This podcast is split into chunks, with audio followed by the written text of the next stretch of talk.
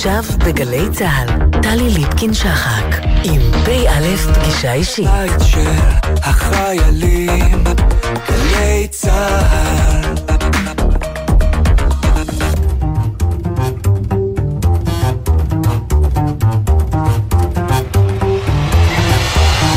שלום לכם, ערב טוב, שבוע טוב. פא' פגישה אישית משולשת בסופו של שבוע סוער מקורונה וקור, סוער מחשיפה של תוכנות הריגול שנטען כי המשטרה מחדירה לחיינו כבחשוכים שבמשטרים מעסקת הטיעון שתהיה או שלא. עוד שבוע סוער ונבוך בפקעת של מתווים, חיסונים, מטושים, עימותים, התפוררות מעטפת הביטחון לילדים, לעצמאים, לחלשים, ועצב דק שנפרס על כל זאת. פא', פגישה אישית משולשת על סיפו של שבוע חדש, שאפשר כי יביא הקלה. פא', פגישה אישית משולשת בין שלג לשלג, בין סופה להסתערה. מתחילים.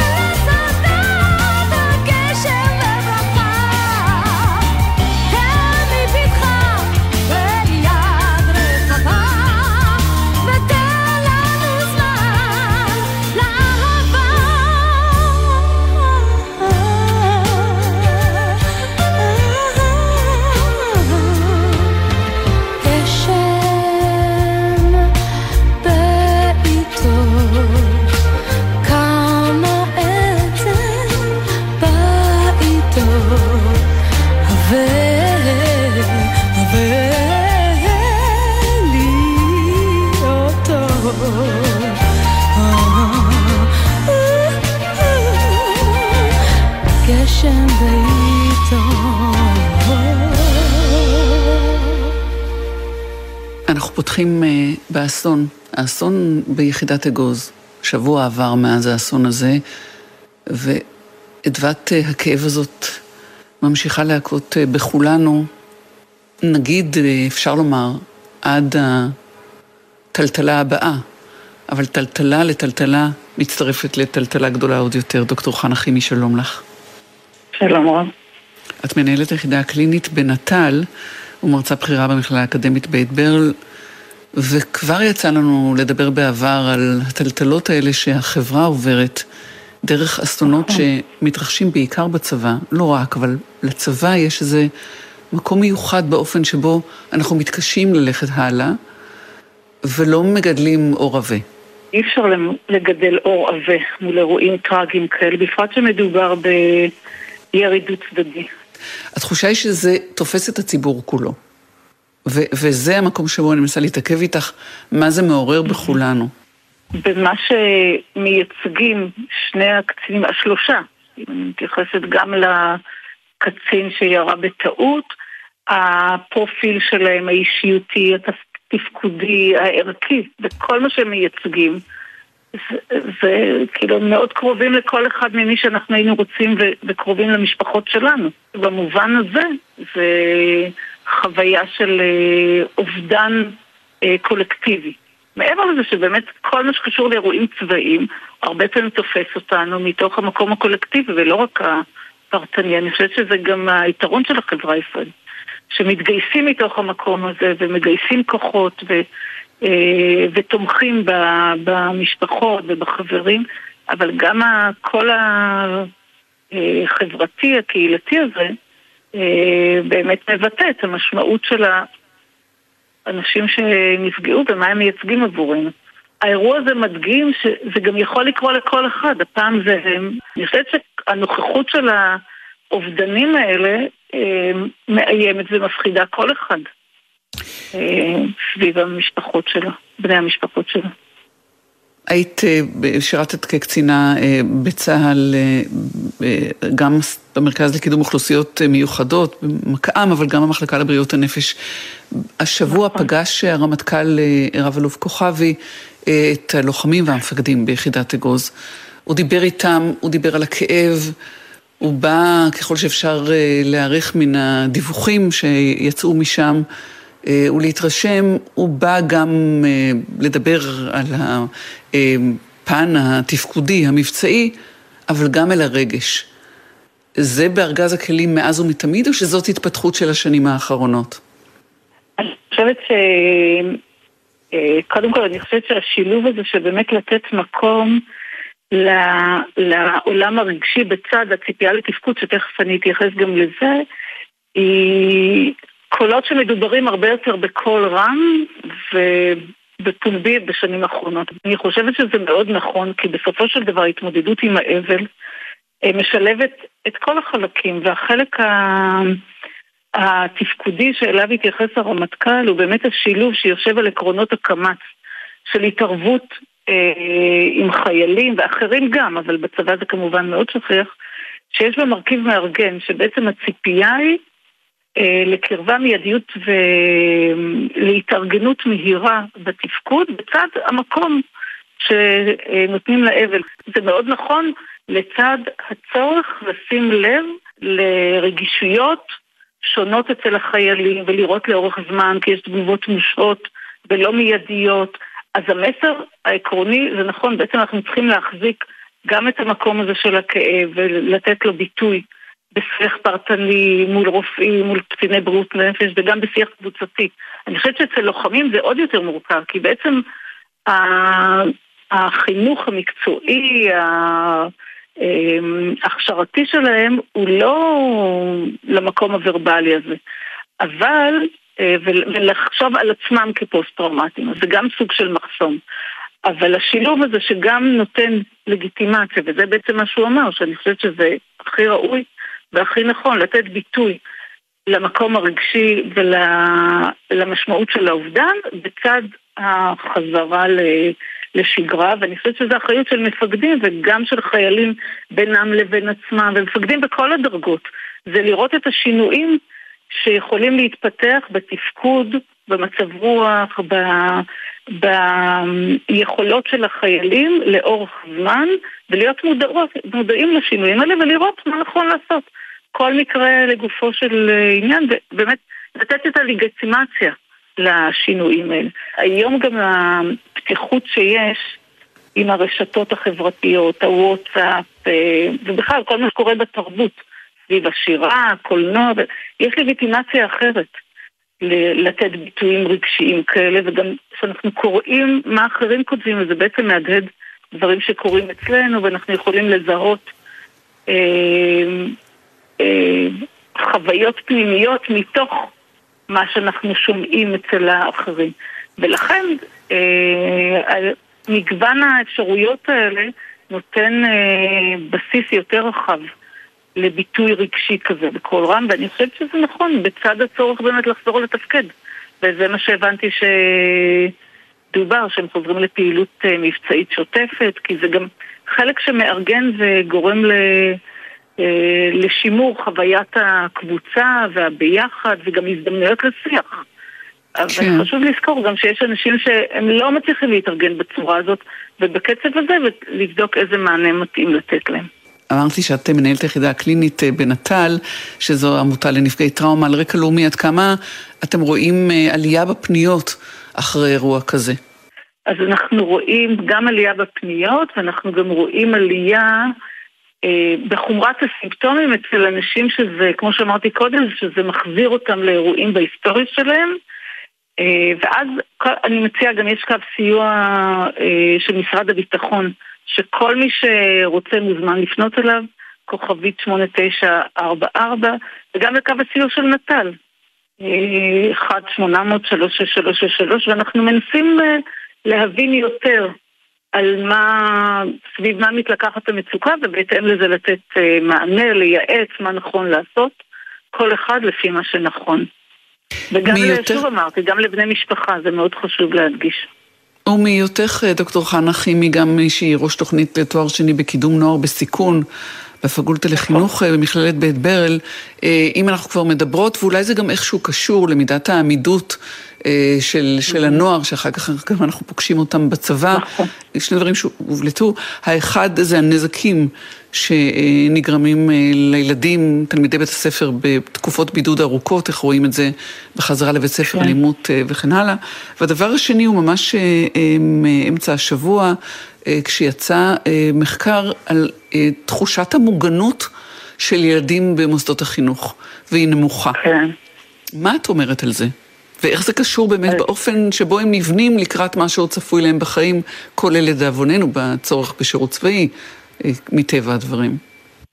נכון, לא, זה באמת הרצף שאני הכי עוסקת בו, טראומות מתבגרים ואחר כך טראומות לתוך שירות צבאי ואחריו. אז תראה, אני חושבת שחלק אה, משמעותי בכל המציאות המורכבת שאנחנו נמצאים בה, מאז מרץ 2019, זה מסע בעצם ממושך מאוד של התמודדות של ילדים, מתבגרים והוריהם, ומערכ... וצוותי הוראה ועובדי חינוך בכלל בתוך מערכת החינוך.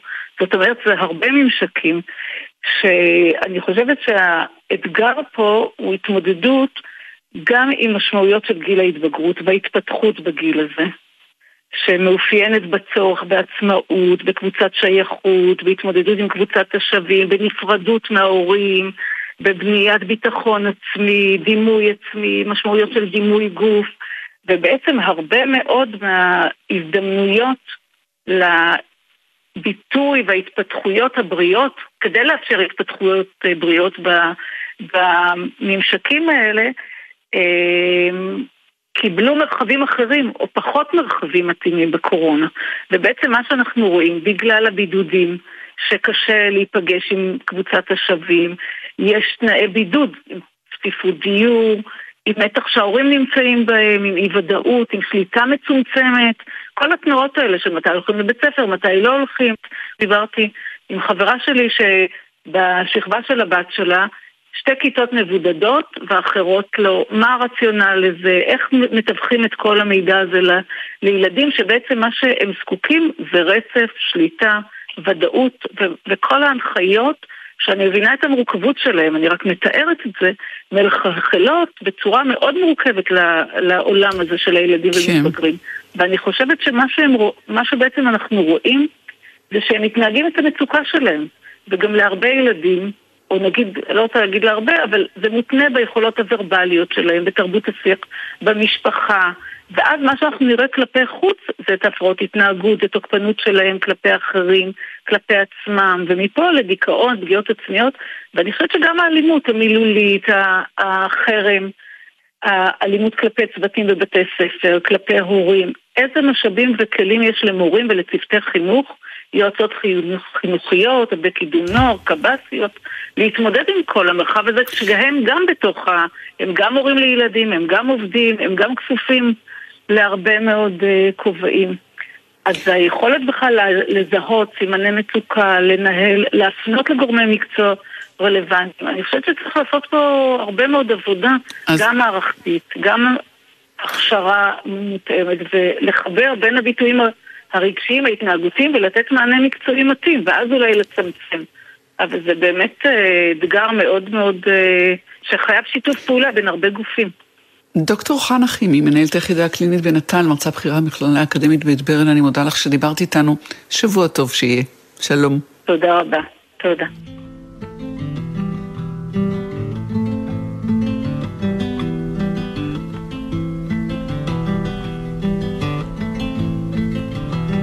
שירי הוא בת קול ברוח, מכתבי השלוח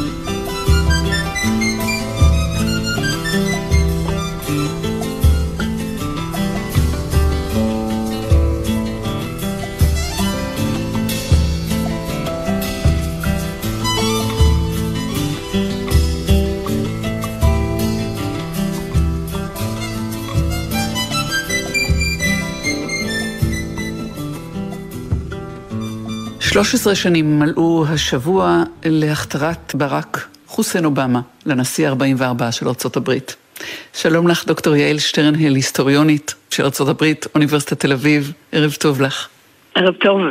צירוף המילים הזה עדיין מעביר אה, צמרמורת של אה, התרגשות אה, ואיזושהי יבשה של משק כנפי ההיסטוריה באוזנייך? בתום הנשיאות הזו, ובוודאי שיש לנו איזושהי פרספקטיבה כבר אה, אחריה של אה, כמה שנים. אז אה, נכון שאנחנו היום רואים את הדברים לא רק דרך המשקפיים של הסמל האדיר הזה של שבירת מחסום גזעי, גבר שחור שמצליח להיבחר במדינה שגזענות היא אחד מהיסודות הכי עמוקים שלה. כמובן שהיום אנחנו מסתכלים על אובמה גם בתור פשוט נשיא, מוציא לפועל של מדיניות, פוליטיקאי, ושופטים אותו גם בפרמטרים האלה, וטוב שכך, הוא הרי לא נבחר לנשיא כדי להיות סמל, הוא נבחר לנשיא כדי להוציא לפועל מדיניות, והיום כהיסטוריונים, כפרשנים, כעיתונאים, אנחנו שופטים את המדיניות הזאת, ולא רק את הסמליות. אז אם אנחנו עושות, דוקטור שטרנהל, איזושהי הפרדה בין uh, התפקוד שלו כנשיא, איזה ציון הוא מקבל כנשיא בכלל, ובודקות רגע בנפרד את uh, מצב השחורים בארצות הברית, האפרו-אמריקנים, אחרי שבמשך שמונה שנים כיהן נשיא שחור. נתחיל בציון כללי לנשיא, ברק אובמה, לאיש הצעיר, הוא לא הצעיר ביותר שנבחר לכהונת נשיא. לא. קנדי היה יותר צעיר. קנדי היה צעיר ממנו, אבל, אבל עדיין צעיר מאוד, שמה בצד שחור. כן, היה מאוד צעיר, נכון. תראי, אני לא כל כך בעסק של לתת ציונים לנשיאים, אני, אני גם לא יודעת בעצם איך עושים את זה, אני חושבת שזו פרקטיקה שהיסטוריונית מתוך האקדמיה, שעובדת ברמה של המורכבות שבה אנחנו עובדים באקדמיה, זה טיפה קשה. היו דברים טובים, היו דברים רעים, הוא העביר את ביטוח הבריאות הממלכתי, או סוג של, זה לא באמת ביטוח בריאות ממלכתי, אבל העביר רפורמת בריאות שהייתה קריטית באופן שבאמת רק אנשים שמכירים את אמריקה לעומק, שחיו באמריקה, מסוגלים להעריך אותה. עד כמה ממש הניוון המוסרי שפשע באמריקה בהיעדר כל רגולציה לשוק הביטוח הפרטי הייתה דבר שהיה צריך להילחם בו ולהפסיק אותו. וזה היה הישג אדיר שאסור להפחית מחשיבותו והוא יהדהד עשורים קדימה. מדיניות חוץ? הוא ספג הרבה מאוד על ההתמודדות שלו עם האביב הערבי. בדיעבד, האם היה צריך להתמודד עם האביב הערבי יותר טוב? כן. האם באותו רגע, כשהאירועים קרו בשנים הדרמטיות הללו, מישהו ידע איך לעשות את זה בצורה הכי אפקטיבית? האם ארצות הברית הייתה יכולה להפסיק את מלחמת האזרחים בסוריה? אני לא יודעת מה התשובה לזה. אה, אני חושבת שאנחנו עדיין, בעיקר כאן בישראל, כלואים באיזושהי מנטליות של פוסט מלחמת העולם השנייה, שארצות הברית היא מעצמה כל יכולה, ששולטת אה, בגורלן של מדינות. זה כבר לא כל כך עובד ככה. העולם היום הוא הרבה יותר גלובלי, הרבה יותר מבוזר, יש עוד מוקדי כוח. האינטרנט שינה את העולם. ולכן האם ברק אובמה אה, היה יכול לעשות יותר למען מלחמת האזרחים בסוריה? אני מעריכה שכן. הסכסוך הישראלי-פלסטיני, אה, אה, הוא לא עשה שום דבר מועיל למען השגת שלום צודק ובר קיימא, אכזבה גדולה מאוד למי שציפה מאדם שמגיע ממיעוט מדוכא. שאני חושבת שהנחיל גם, הנחיל לפלסטינים ולבני בריתם באשר הם. אז אה, בסך הכל הרקורד הוא לא קטסטרופלי, אבל הוא גם לא מזהיר. יש כמה סוגים של מנהיגים, במקרה הזה נשיאים של ארה"ב. יש את האינטלקטואל, יש את איש הביצוע שבא מהשטח, איש העסקים. ברק אובמה הוא האינטלקטואל, במובהק, אה, הכריזמטי. אה, הדמות הזאת והטיפוס הזה, יש יאמרו, לא עבד היטב. תראי, אני לא חושבת ש... משהו לא עבד היטב זה העובדה שהוא אינטלקטואל. אני חושבת שאם משהו פגע ביכולת שלו לעשות אימפקט, הייתה העובדה שהוא היה צעיר ולא מנוסה ובמידה מסוימת נאיבי. העובדה שהוא לא ניצל את השנתיים הראשונות שלו בתפקיד כשלדמוקרטים היה עדיין רוב בקונגרס בשביל להיות הרבה יותר אגרסיבי בהוצאה לפועל של מדיניות, ההתעקשות האינסופית שלו על משא ומתן עם המפלגה הרפובליקאית שהיה לה אינטרס אחד ויחיד שהיא הצהירה לגביו בפומבי, וזה להרוס את אובמה. מיץ' מקונל אמר את הדברים מול מצלמות הטלוויזיה. Uh, העובדה שהוא uh, חשב שאם הוא רק ייכנס איתם לחדר וישכנע אותם בכושר הרטוריקה והלוגיקה המזהירות שלו, זאת הייתה תמימות של uh, בחור בן 47 עם מעט מאוד ניסיון uh, פוליטי ברמה הזאת, uh, שחושב שאפשר לשכנע את כולם שהוא צודק. ובמובן הזה זה לא האינטלקטואליות, פשוט כמו חוסר הניסיון. אנחנו רואים כן. עכשיו כשאנחנו משווים את ג'ו ביידן, שהוא פשוט הרבה יותר מנוסה. גם הוא והוא עדיין לא דבר, מצליח. יפה, גם הוא מתנגש בקיר של השנאה המפלגתית בוושינגטון, שהופכת את הברית בעצם למדינה לא מתפקדת, צריך לומר. אבל אובמה, על אחת אה, כמה וכמה, לא היו לו את הכלים. ולא הייתה לו את הבנת העומק של הפוליטיקה האמריקאית, כפי שהיא מתנהלת בפועל. באותו הרגע שבו הוא נכנס לתפקיד ב-2008, אחרי חצי דור של אה, לוחמה אה, פוליטית בוושינגטון. וזה קלקל הרבה מהיכולת שלו להוציא לפועל מדיניות. צריך לומר גם שהאנטגוניזם שאובמה עורר בתור mm-hmm. גבר mm-hmm. שחור היה אדיר. ושהצורך שלו כל הזמן להגן על עצמו מפני האנטגוניזם זה לא להיות תוקפני, לא להיות הגבר השחור הכועס, angry black man, אה, להיות דמות אה, מפשרת ומגשרת. זה גם היה הצורך שלו להתמודד עם הסיטואציה הבאמת ייחודית הזו של כן. גבר שחור בבית הלבן. הוא לא היה יכול לפעול באופן גלוי ואקטיבי למען שחורים אמריקנים כפי שהוא היה רוצה, כפי שלמשל ביל קלינטון בתור גבר לבן יכל לעשות בשנות התשעים. והוא יכל בעצם לנסות לעזור לקהילה שלו רק מתוך מדיניות של סעד וצדק חלוקתי וצמצום אי השוויון, כפי שהוא אה, ניסה להכיל אותה על כל אמריקאים. Mm-hmm. הבעיה היא, במובן הזה בעיניי, שהוא היה מאוד מאוד רך. כלפי אי השוויון האמריקאי, ולא ניצל את הרגע הדרמטי הזה של המיתון הגדול ב-2008-2009 כשהוא נכנס לתפקיד, ושאפשר באמת היה פעם אחת ולתמיד לקחת את התאגידים הטורפניים בניו יורק אה, וללמד אותם לקח. את זה הוא לא עשה. אובמה לא עשה מספיק למען עניים אמריקנים, נקודה, ולכן הוא גם לא עשה מספיק למען שחורים עניים. עכשיו, למה זה? אנחנו, אני חושבת, מבינים, כי הוא נתקל גם במגבלות הכוח שלו כנשיא וגם במגבלות הכוח שלו כנשיא שחור. עכשיו, הוא נכנס לתפקיד, צריך לומר, ברגע מאוד מאוד קשה בהיסטוריה האפריקנית-אמריקנית. המיתון הגדול פגע בשחורים אמריקנים באופן בלתי פרופורציונלי ביחס ללבנים. אחוזי האבטלה בקהילה השחורה נשארו כפולים לעומת הקהילה הלבנה במשך עשר שנים אחרי. ההשלכות ארוכות הטווח הן, הן אדירות. מבין אה, שאיבדו את הרכוש שלהם, איבדו את הבית הממושכן שלהם, זה אחוז אצל שחורים שהוא לחלוטין לא פרופורציונלי. הם הראשונים אה, לאבד את המשרות, הראשונים לאבד את המשכנתאות, הראשונים ליפול קורבן להלוואות טורפניות. ובמובן הזה הם היו קורבן של כוחות שוק שאובמה לא הצליח לרסן בצורה מספיק אפקטיבית, או לא היה לו אומץ, או לא היו לו את הכלים לרסן בצורה מספיק אפקטיבית.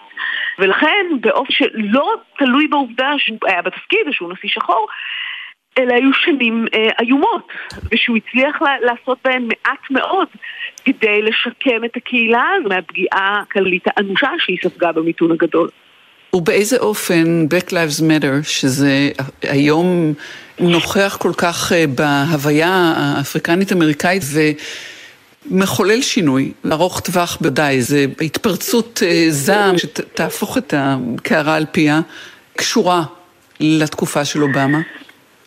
תראי, זו שאלה מאוד מעניינת שאני לא בטוחה שיש אה, עליה תשובה. אני חושבת שבמידה מסוימת דווקא הנוכחות של נשיא שחור והתקוות שהגיעו איתו והתחושת הבעלות על המדינה שהביאה איתה הנוכחות של אדם שחור, של משפחה שחורה בבית הלבן, אפשרו לתנועה הזאת לקום.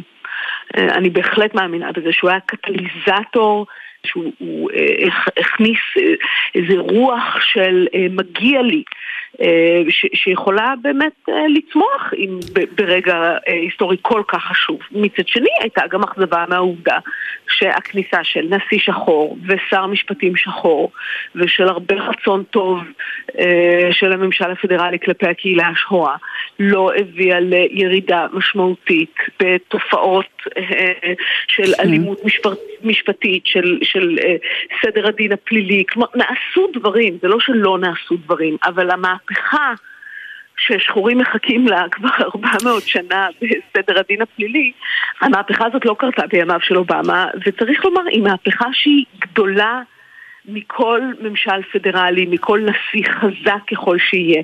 כלומר, הבעיות הן כל כך מושרשות והן כל כך רחבות היקף, וארצות הברית היא מדינה כל כך מבוזרת של 332 מיליון איש ב-50 מדינות שכל אחת מהן נשלטת באופן קצת אחר. אלו לא בעיות שנשיא אה, יכול לפתור אה, לא בארבע ולא בשמונה שנים. אני אסתיים איתך אולי בסיפור מהשבוע האחרון אה, שקראתי על העתקה של פסל שכונה מכוער ביותר בארצות הברית של הקונפדרציה בנשוויל, טנסי.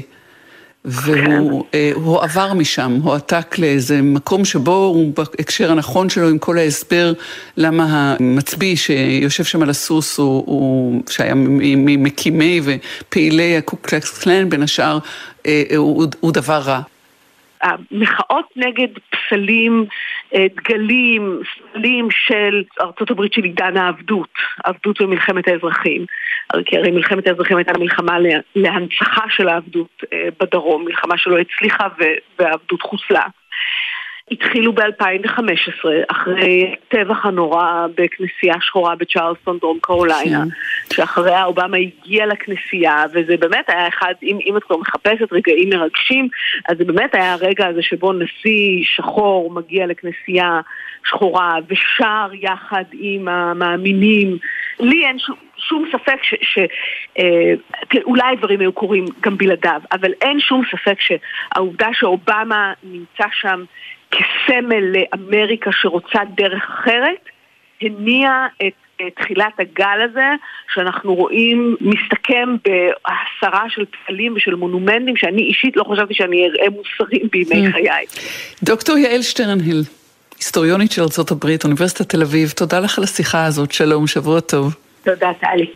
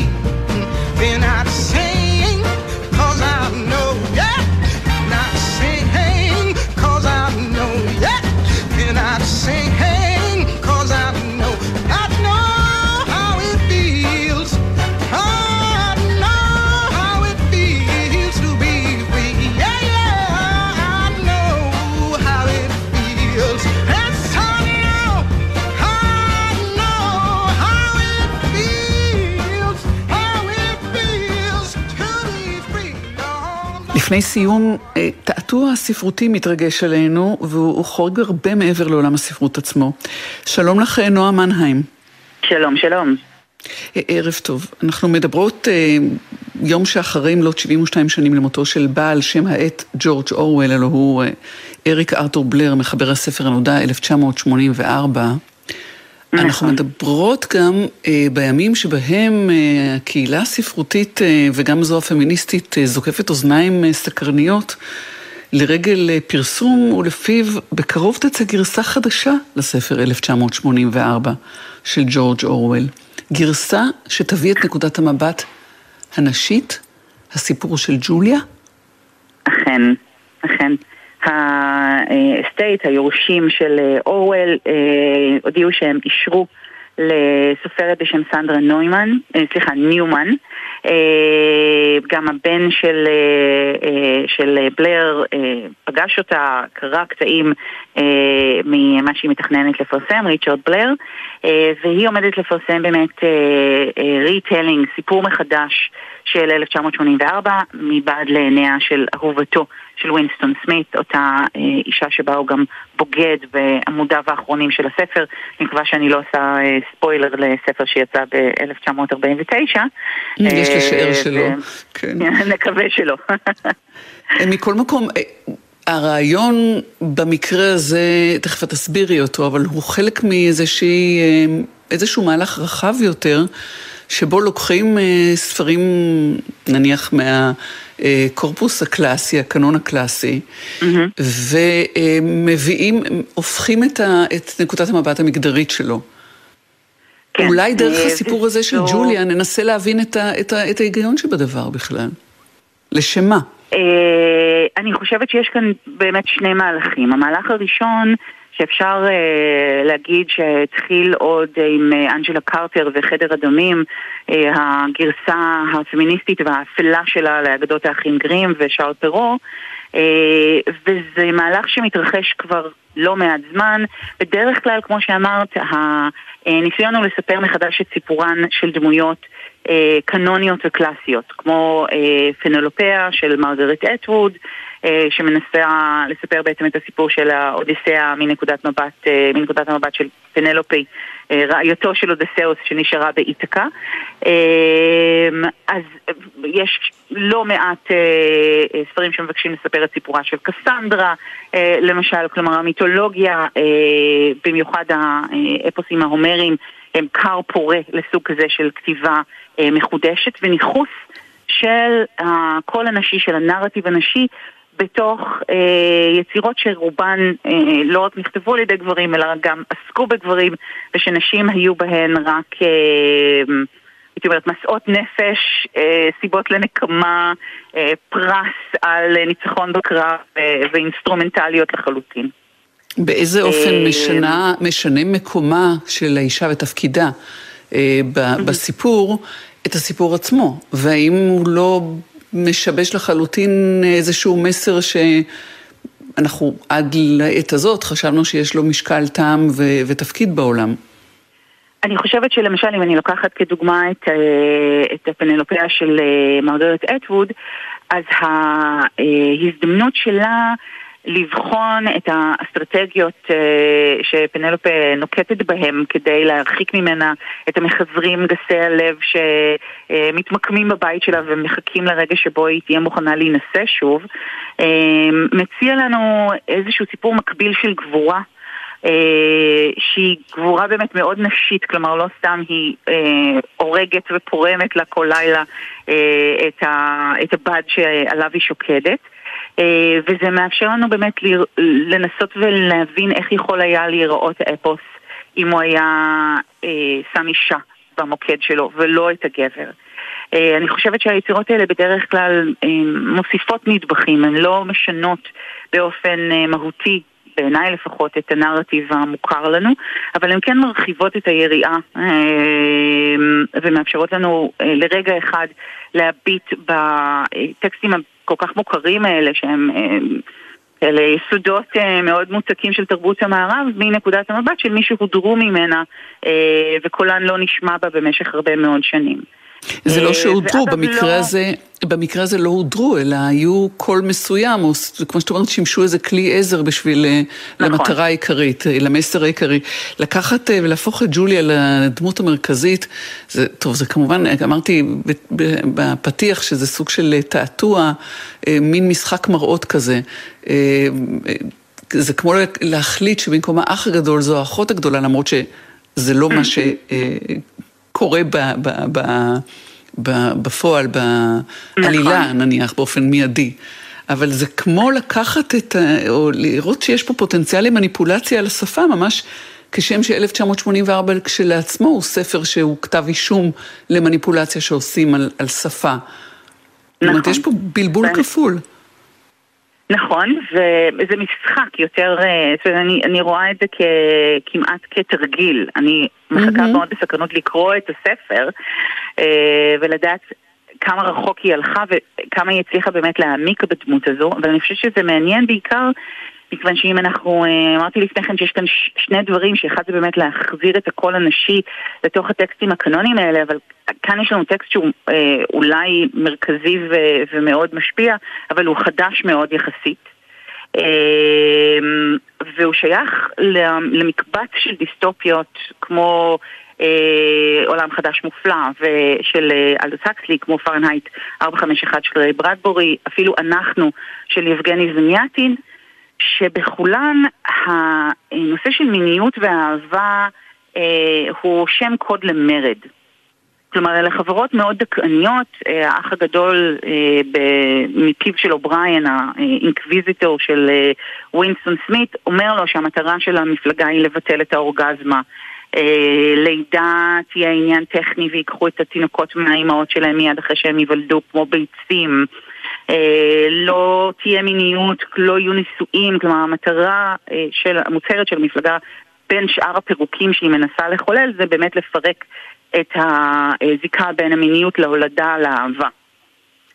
וביצירה הזו, כמו ביצירות האחרות שהזכרתי, עצם ההתאהבות אה, ופעולת המימוש של האהבה היא הרבה פעמים פעולה של מרי, של מרד.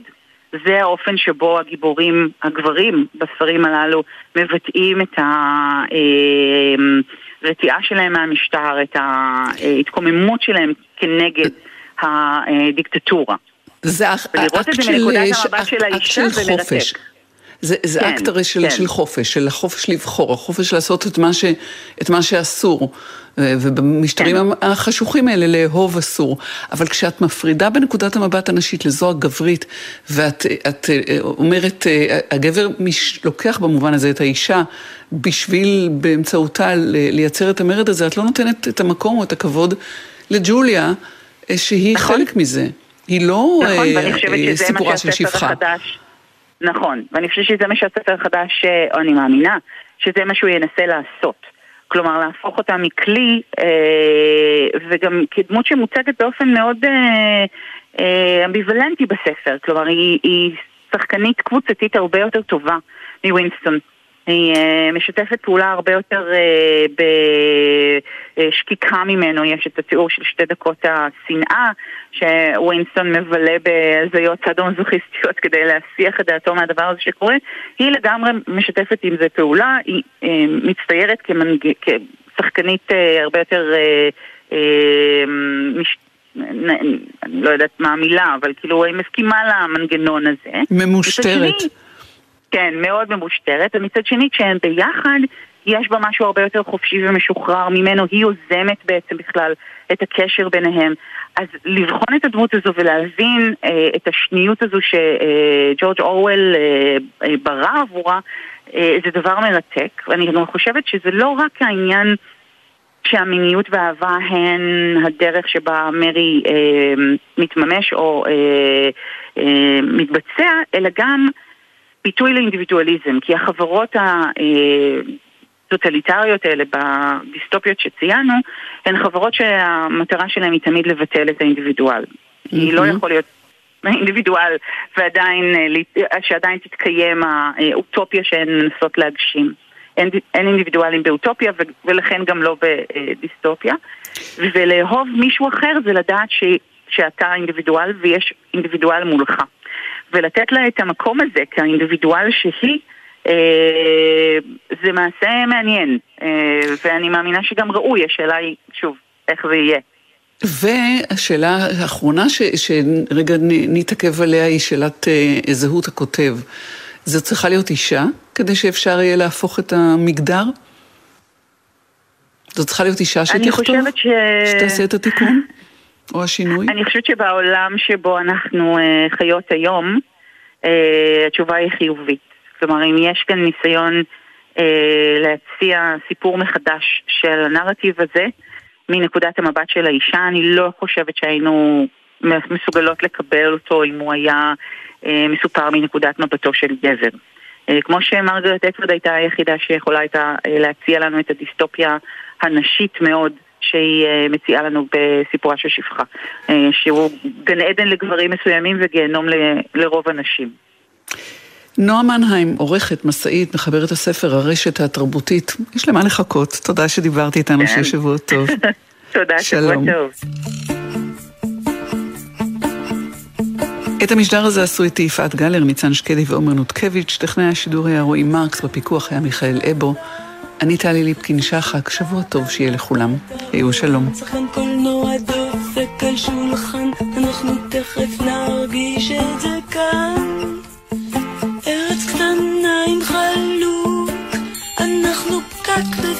של בקבוק, צריך לבלוע כפית בדיוק, לפני בחירות ובין שיהוק לפיהוק.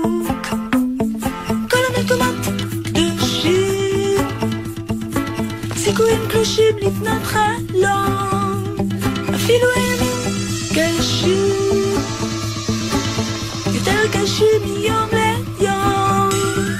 ארץ קטנה עם תבלול, ורוב העם מתעסק בריגול.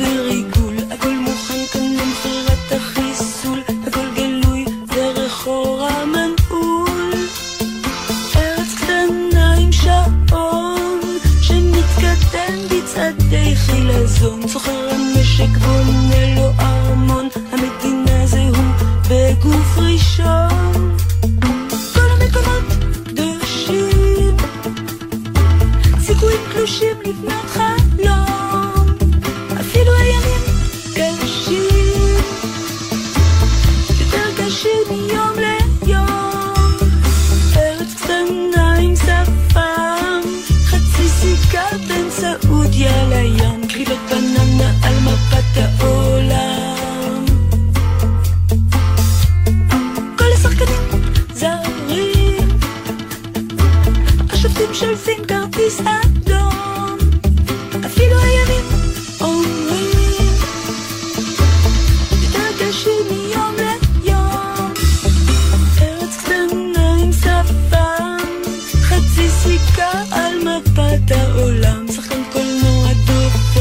השולחן, אנחנו תכף נרגיש את זה כאן.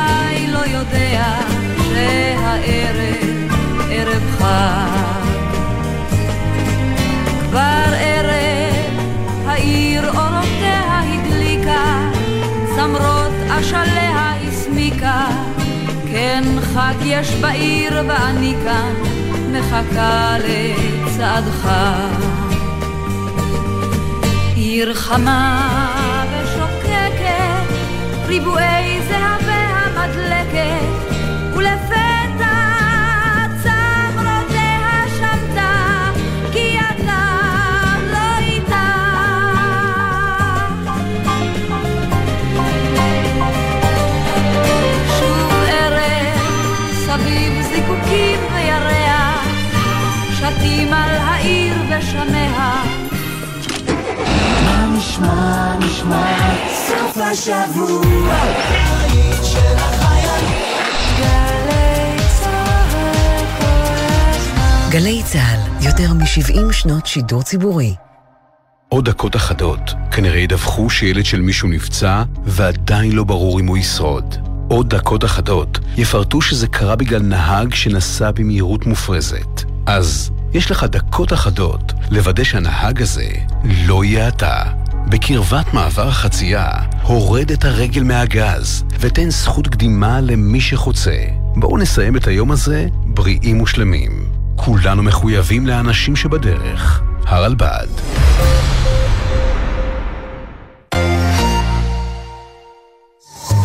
אם אתם עכשיו על הכביש, אולי יעניין אתכם שחמישה ימים וחצי בשנה זה הזמן שתבזבזו בפקקים. אולי אתם בדרך למרכול שתוציאו בו סכום גבוה ב-37% לעומת המדינות המפותחות. יכול להיות שאתם בדרך לאסוף את הילד ממערכת החינוך שהמדינה משקיעה בה 67 מיליארד שקלים, אבל רק 15 אלף מהם יגיעו אל הילד שלכם. ומשם תיסעו אל הדירה שעלתה לכם 145 משכורות. אבל היי, hey, לפחות השקל בשיא של 20 שנה.